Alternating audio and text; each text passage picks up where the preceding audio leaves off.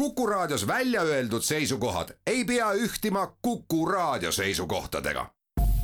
Te kuulate Kuku Raadiot.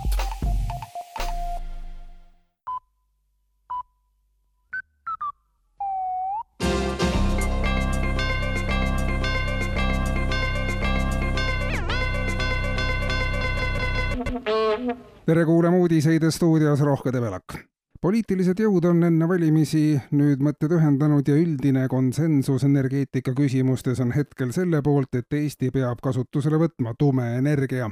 kõige parem on selleks ehitada maailma esimene tumejaam, kuna tumeenergiat on universumis teadlaste sõnul isegi rohkem kui nii-öelda tavalist ainet või energiat, siis perspektiivi selles suunas liikumiseks on küllaga ka kliendid on tumeenergiale üleminekuks aastate jooksul ette valmistatud, sest enamik inimesi on selles vallas üsna tumedad. Ja kogu energeetika ülesehitus ja hinnakujundus on piisavalt hämar, et sealt on tumeenergiale üleminek vaid väikese pingutuse taga teatavad parteid ühisavalduses.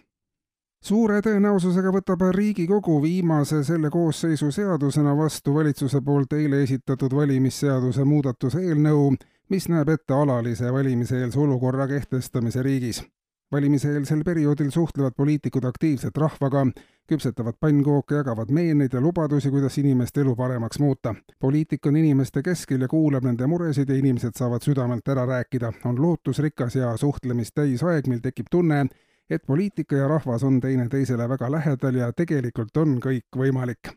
kõikideks asjadeks on järsku raha ja jääb ülegi kui aga valimised läbi saavad, siis jätkub kõik ikka vanas vaimus ja ootusrikas meeleolu asendab pikkamisi taas tavalise pettumusega. kui riigis oleks aga kogu aeg valimiseelne aeg, siis tekib sidusam ühiskond ja kõigi tuju on kogu aeg hea ja pettumist ei saagi tekkida, sest kõik hea on alles ees, märgitakse eelnõu seletuskirjas valitsus on nagu üle vaadanud Eesti Õdede Liidu ettepanekud suhtarvude osas ja on nõus, et kvaliteetse teenuse osutamiseks on patsientide ja õdede hulk mõistlik kokku leppida.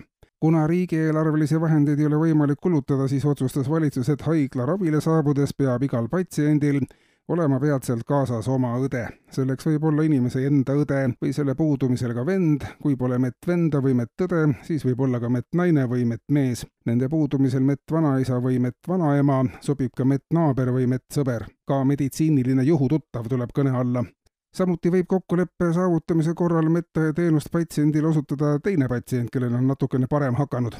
patsiendiga haiglasse saabunud medsuguline, pereliige või tuttav naaber, töökaaslane saab ka õeameti lühikoolituse ja võimaluse töö käigus õppida ja mitmesugust. Eesti ornitoloogid annavad teada, et seoses ülemaailmse soojenemisega, samuti erakordselt sooja talvega ja tõenäoliselt veel mitmete soodsate tegurite tõttu on täheldatud jobukakkude siinmail viibimist juba veebruaris linnuvaatlejad on neid tihedalt kohanud just Toompeal ja Tallinna volikogu maja ümbruses nii õhus kui ka maa peal, aga arvukalt ka väiksemates maakohtades. jobukakkude käitumine on tihtipeale ettearvamatu, mistõttu ei ole välistatud ka nende hoonetesse sisenemine, on tulnud ette õhus munemist tihti topivad jobukakud oma noka igale poole, kuhu pole vaja. jobukakud võivad aasta-kahe-kolme perspektiivis ornitoloogide arvates muutuda teistele liikidele ohtlikuks, kuna on karta nende ristumist hädavarestega, mille tulemusel võib tekkida juba liik, mille toimetamine on täiesti ennustamatu.